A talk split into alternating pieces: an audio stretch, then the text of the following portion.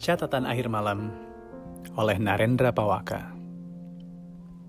Senin 27 Januari 2020. Don't ever give up. Just try and try to get what you want. Cause love will find the way.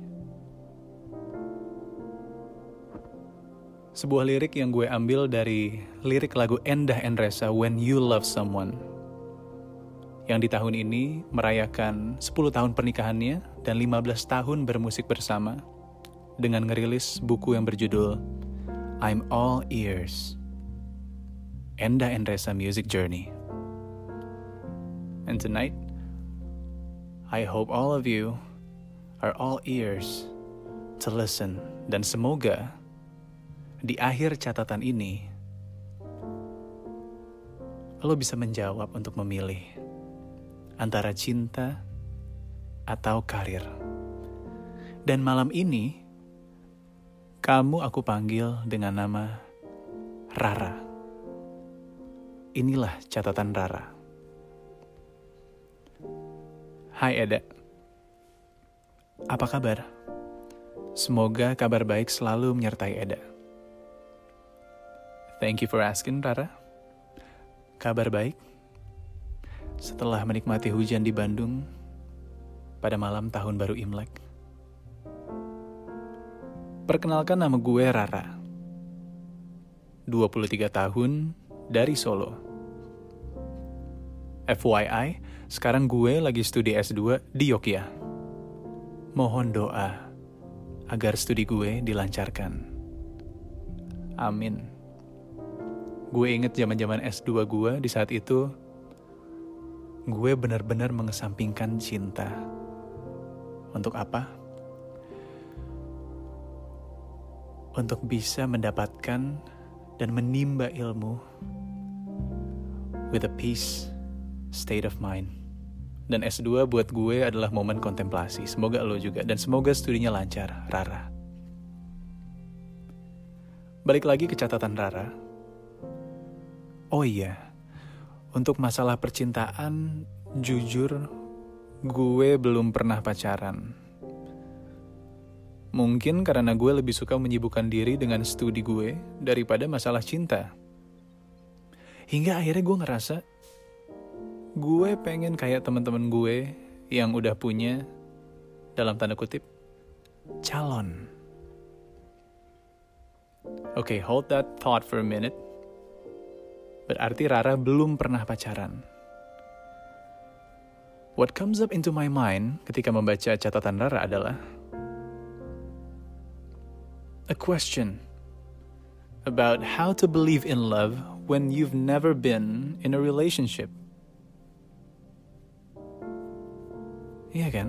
Lu belum pernah pacaran, 23 tahun, S2. So I think the only piece of advice on finding a relationship that has ever been fruitful for me is don't stop believing in love. Anyways, balik lagi ke catatan Rara. Ada cerita lucu.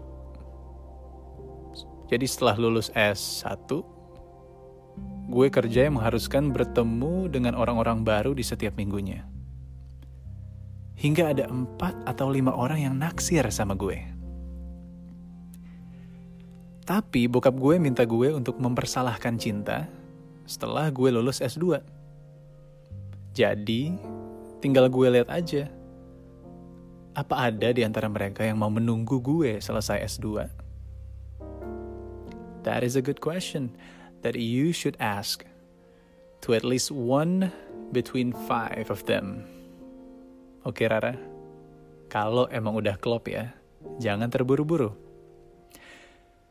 Tapi di satu sisi, gue ada ketakutan tersendiri. Gue takut studi S2 gue membuat para cowok-cowok itu minder sama gue. Karena kata temen gue, ada cowok yang suka sama gue tapi dia minder.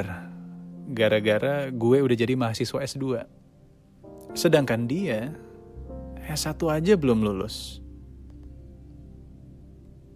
Hold on. Let's talk about fear for a bit. Fear.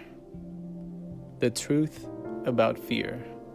I think ultimately, you learn to not let fear stop you from living the life you want. Iya kan? Lo akan belajar untuk tidak menjadikan ketakutan menghentikan lo untuk mendapatkan dan menjalankan kehidupan yang lo mau. Dan kalau misalnya dicocokin ke Rara yang belum pernah pacaran sekalipun, berarti status cinta lo itu spesial, Ra. And because your love is special, it will take a special man to appreciate it. Buat lo semua yang belum pernah pacaran, cinta itu adalah spesial. Lo membutuhkan pasangan yang spesial untuk menghargainya. Oke, balik lagi ke catatan Rara. Nah, menurut Eda gimana?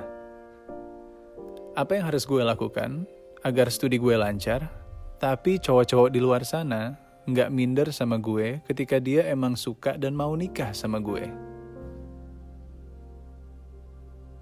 Yang pertama, kalau menurut gue, ketika lo harus memilih antara cinta atau karir, lo harus memilih salah satu. Nggak bisa dua-duanya. Lo harus fokus ke salah satu. Kenapa? Supaya studinya lancar. Jadi pilihlah karir. Tapi kalau mau bersamaan lo jalan, lo harus berani untuk menanyakan pertanyaan yang lo tanya ke gue, Rara. Lo tanya ke seseorang, ke dia yang memang sudah sepertinya klop nih, tentang ketakutan lo. Because when we let others know about our fears, itu akan meruntuhkan tembok-tembok ketakutan kita dan dia pun akan menjawab.